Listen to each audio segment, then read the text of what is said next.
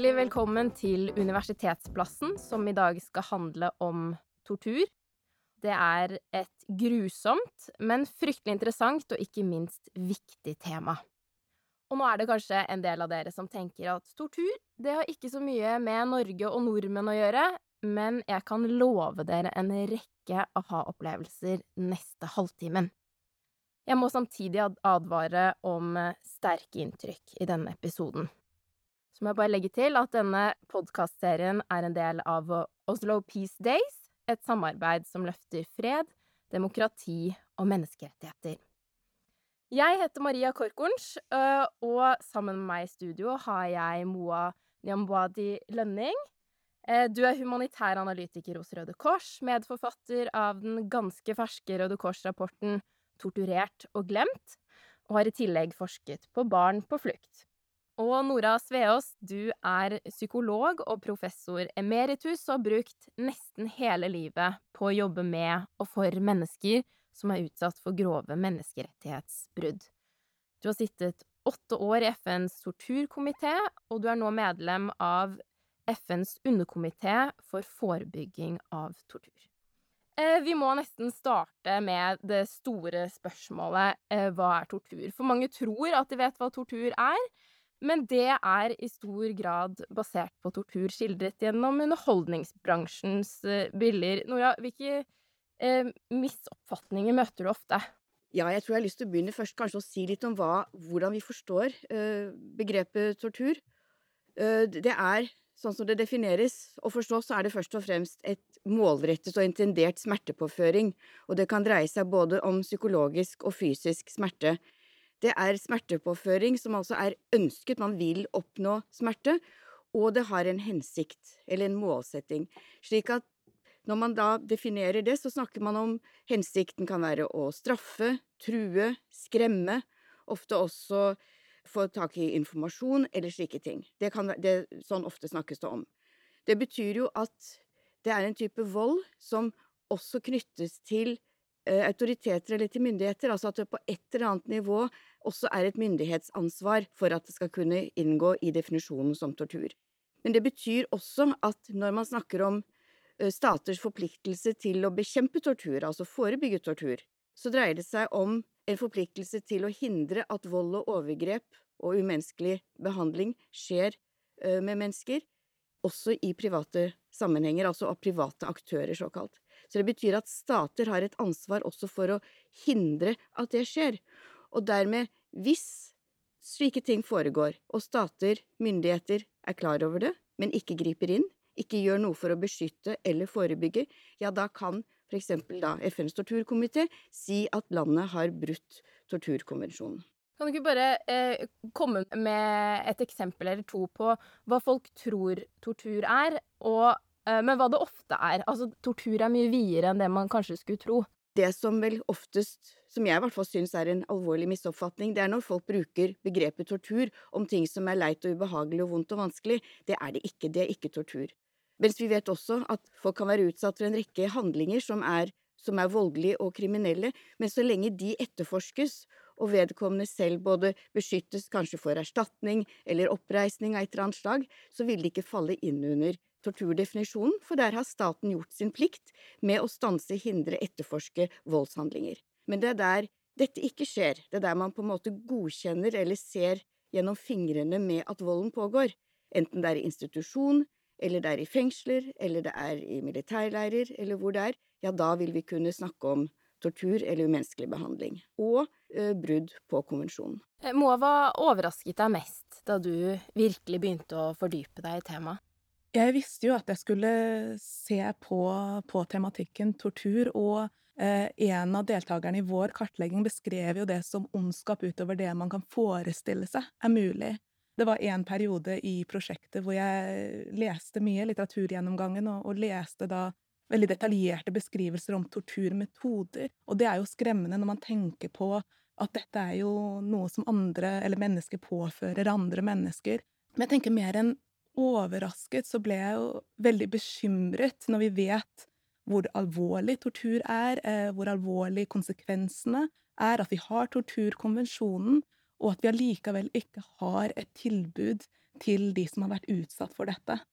En annen ting var at um, det som deltakerne fremmet som det vanskeligste i arbeidet med tortur, det var ikke nødvendigvis tematikken, men det var den avmakten som de kunne kjenne på i møte med et system som ikke legger til rette for god nok rehabilitering. Og også berettelser om um, torturutsatte som, uh, som uh, ikke hadde ja, et tilbud å gå til, som ønsket og ja, fremmet det de hadde vært uh, utsatt for, men ikke ble møtt med noe tilbud.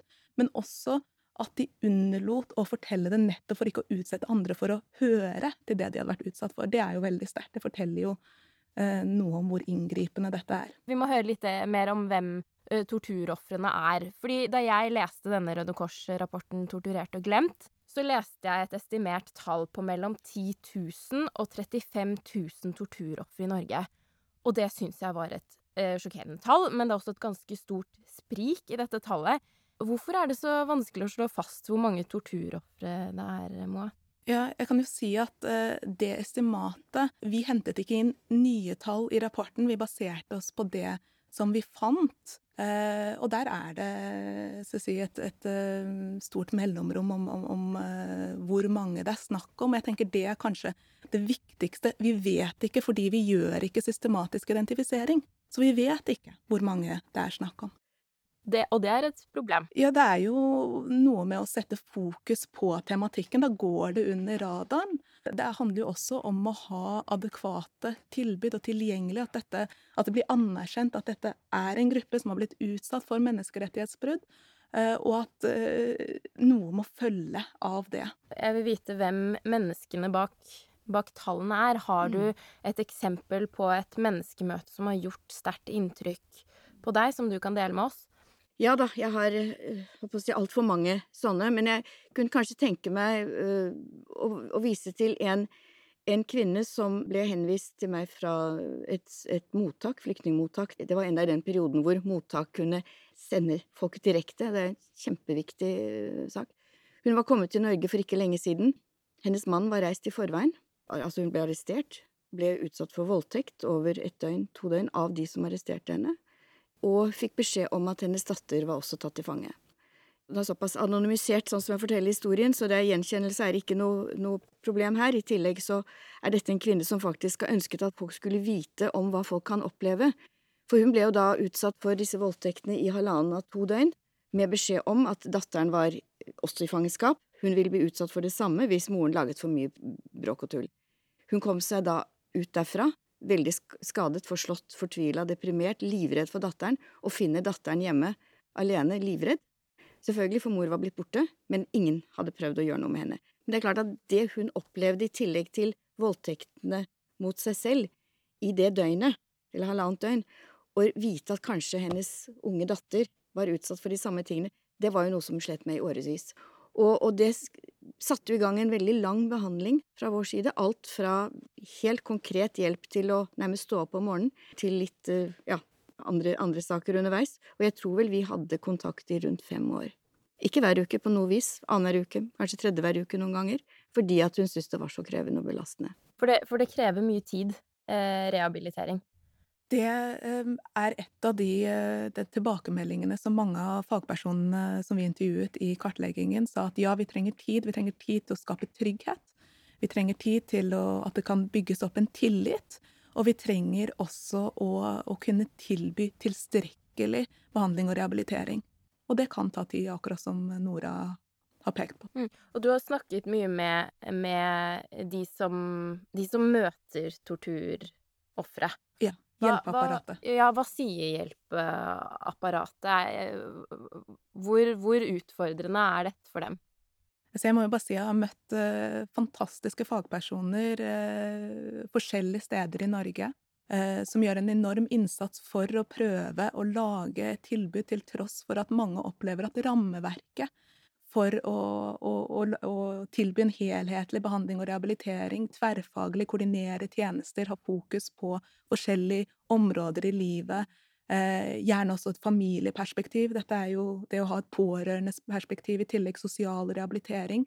Eh, det krever eh, en oppmerksomhet på, på, helheten av mennesket. Og det, det kan være behov for langvarige opplegg. Det eksempelet jeg nevnte, og flere av de eksemplene du også nevner, er jo eksempler på psykologisk behandling som varer over tid. Men når vi snakker om rehabilitering, så snakker vi om for så vidt hele spekteret, og en god del av de jeg har jobbet med, jeg kan bare få nevne et par eksempler. En kvinne var blitt utsatt for Hun hadde fått slått munnen sin så fælt at hun hadde fått ødelagt tennene sine, og det var et ganske langt lerret å bleke for å få tannhelsebehandling.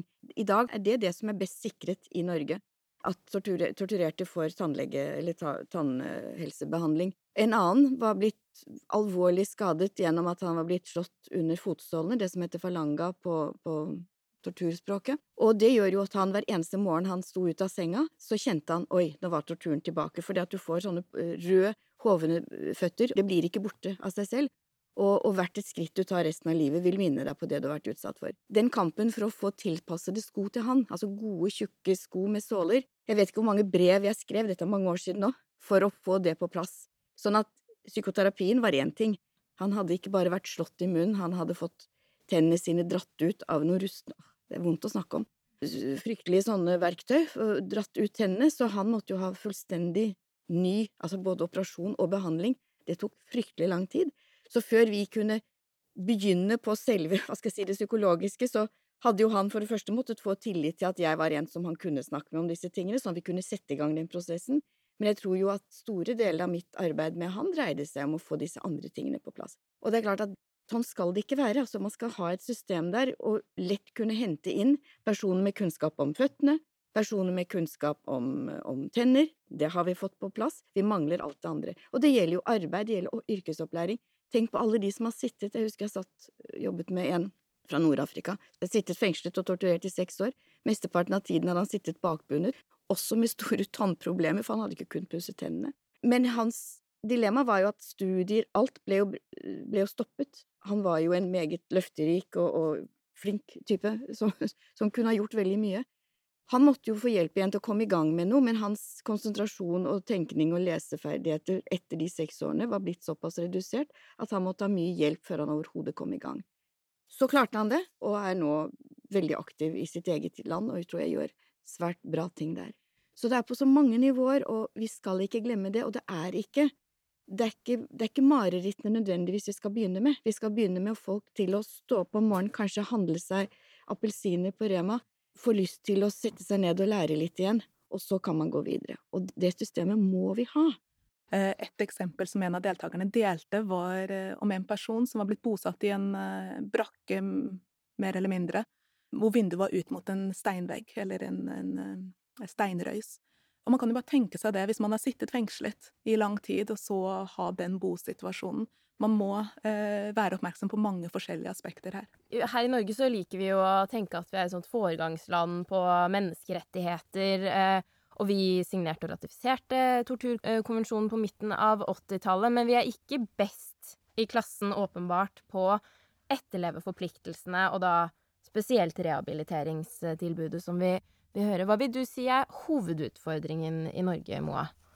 Hovedutfordringen? Ja, jeg tenker at eh, sånn som vi har sett på, på nabolandene, så har det jo vært et eksplisitt fokus på torturutsatte som gruppe. Jeg tenker det å, å ha den oppmerksomheten og anerkjennelsen for, eh, og kompetansen på temaet, sette fokus på det, er, er veldig viktig.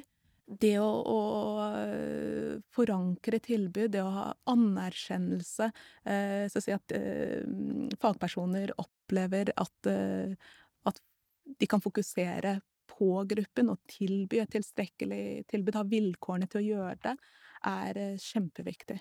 Altså det som ofte sies når det gjelder forpliktelser, og det er klart at Norge stiller jo sterkt også internasjonalt når det gjelder å forfekte menneskerettighetene, det tror jeg vi skal være veldig glad for.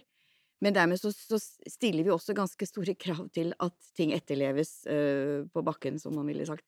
Det innebærer jo at mennesker som har vært utsatt for tortur, skal ha rehabilitering. Altså, Torturkonvensjonen snakker om erstatning, inkludert rehabilitering, som da, hva skal jeg si, skal ytes av de som selv er ansvarlige for tortur. Sånn som det stort sett og skal og bør etterleves, er at de landene som mottar torturerte, det er en del av deres humanitære plikt og ansvar å bidra til, og jeg syns også med, med, basis i konvensjonen, å bidra til at folk får den rehabiliteringen og den hjelpen de skal ha.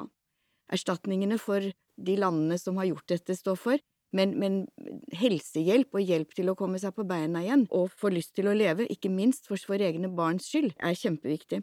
I Nasjonal veileder for helsetjenestetilbudet for asylsøkere, flyktninger og familiegjenforente så står jo Istanbul-protokollen nevnt, som er eh, det internasjonale minstestandardet for dokumentasjon av tortur. Kjempeviktig at det står nevnt.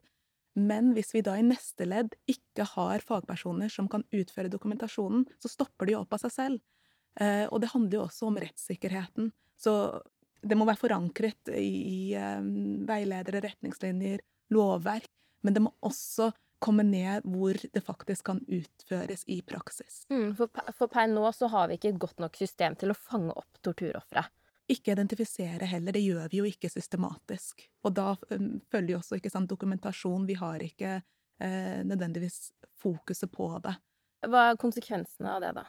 Ja, det er jo at uh, de går under radaren. Jeg har flere eksempler uh, som ble delt med meg om uh, torturutsatte som hadde vært i Norge i ti år, som ikke får den hjelpen, hvor livet ikke Ja, de ikke får tilbud som kan hjelpe de å, å, lage et godt liv og også leve med det de har opplevd, hvor de rett og slett blir overlatt til å finne ut av det selv. Er du overrasket over noen av funnene i, i denne rapporten, eller er det egentlig stating the obvious for, for deg? Jeg vil si nesten ingen av delene. Altså for meg ble det en sånn bekreftelse på de tingene som flere av oss har vært bekymret for lenge. For vi, vi hadde jo en, en, en, lang periode en modell i Norge som, som, tilsa at man prøvde å samle en del kompetanse på ulike deler av, av landet. For å kunne ha en sånn, si, en, litt sånn spesialistkompetanse som kan bistå, ikke minst, det ordinære hjelpevesenet. Og også ta opp saker som, som ikke får tilstrekkelig hjelp i, i, i, i det vanlige helsevesenet. Det har vi ikke lenger, og i dag er det veldig spredte uh, små initiativ, veldig fagfolkdrevet, som gjør dette, blant annet både i Trondheim og i Stavanger og i Kristiansand har vi gode eksempler på, på dette, men det er altfor begrenset, og det er altfor lite. Så det er, ikke, det er, ikke, tvil om at det er veldig mange fagfolk der ute som vil være villige til å gjøre noe mer med dette, men jeg tror også mange opplever at det er, på en måte, det er ikke satt av tiden til det, og de blir heller ikke bedt om å forsøke å identifisere tortur som et, et særegent traume eller problem. Og når vi ikke har identifiseringsmekanismer i, i starten, altså ved ankomst, noe som for øvrig UDI i dag har bedt noen av oss om å utrede nærmere for øvrig, så det er veldig viktig, men heller ikke godt nok system til å dokumentere tortur hvis man har identifisert det. Eh, det er, det er, det er dessverre leit, og ingen Ingen i Norge, veldig få av de som kan disse tingene, er noen gang blitt spurt om å gjøre disse utredningene. Så her er det mange, mange nivåer. Og det er klart at man skal være forsiktig med hvordan man spør, spør folk om sånne alvorlige overgrep, men man skal spørre på en måte som gjør det mulig for dem også å kunne svare og tilby hjelp. Og man må tåle at dette kommer på forskjellige nivåer. Noen er redd for å snakke om tortur, også fordi at de er blitt så ydmyket at de tør ikke og tror kanskje at hvordan kan Norge, som er slikt et stolt land, ønske å ta imot en som er blitt så fornedret som jeg er? Det er jo selvfølgelig en, en, en feilaktig tenkning, men det sier jo litt om hva tortur gjør med folk, altså blotter dem for egen følelse av, av verdighet og selvrespekt, noe som er kanskje det aller viktigste vi kan gi tilbake. Og det er én en tilbakemelding som vi også fikk, var jo hvis man ikke har et tilbud eh, i andre enden, er det da etisk å identifisere. Så det å faktisk kunne tilby noe, det å kunne henvise, vite hvem man skal eh, rådføre seg med, få veiledning fra å henvise til, det er også kjempeviktig for at identifisering eh, skal gjøres. Hmm. Hva må vi gjøre for å, for å komme opp på et respektabelt nivå i Norge? Det å si, forankre ansvaret i alle nivåer. Eh, det å ta inn over oss at det faktisk er mange mennesker i Norge som har vært utsatt for tortur, som ikke får det tilbudet. Og, og virkelig ja, ta det, ta det alvorlig og, og, forsikre at et tilbud um, ja, blir gitt.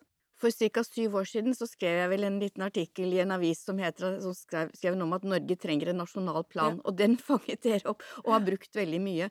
For det er jo også litt med utgangspunkt i de, i de retningslinjene og de rådene som torturkomiteen kom med, nemlig at det skal foreligge nasjonale planer som faktisk da kan si litt om hva, hva folk har rett og muligheter til gjennom ulike faser og ulike stadier, og det mener jeg den dag i dag er viktig. For en av de konklusjonene som Røde Kors-rapporten har, er jo at hjelpetilbudet er fragmentert og personavhengig, og det er en sabla viktig kritikk. Dere har jo nettopp snakket med de engasjerte personene som sikrer at noen får, får hjelp, først og fremst psykologisk hjelp, absolutt ikke et fullt rehabiliteringstilbud, for det vil innebære gynekolog, det vil innebære haugevis av forskjellige faggrupper. Og så er det veldig tilfeldig da hvem som fanges opp og får hjelp videre, og hvor folk er engasjert. Jo, dette vil vi virkelig. Og det er ikke så få rundt omkring i landet som har gjort arbeid på dette området fullstendig på pro bono-basis og det gjelder identifisering, og det gjelder også spesialisthelsetjenester. Rett og slett fordi at det er ikke rom for det. Den kategorien av hjelpetiltak er ikke definert. Og der tenker jeg en nasjonal plan vil jeg gjerne se. Absolutt. Eh, vi stemmer i en eh, nasjonal handlingsplan som forsikrer et likeverdig, tilgjengelig, systematisk og helhetlig tilbud, uavhengig av hvor man bor. For det finnes fantastiske fagfolk som lager lokale tilbud, regionale løsninger, men det blir for fragmentert, og det blir for personavhengig. Det er mange, mange fine, viktige ønsker. Jeg føler meg klokere, litt rystet selvfølgelig av mange grusomme eksempler, men det, det er viktig å ta med seg, for det her er det ikke noe alle, eller så veldig mange, har god kunnskap mm. om. Eh, vi takker dere for at dere kom hit. Eh, det var alt fra oss i Universitetsplassen denne gang. Følg med oss videre for nye episoder med spennende temaer.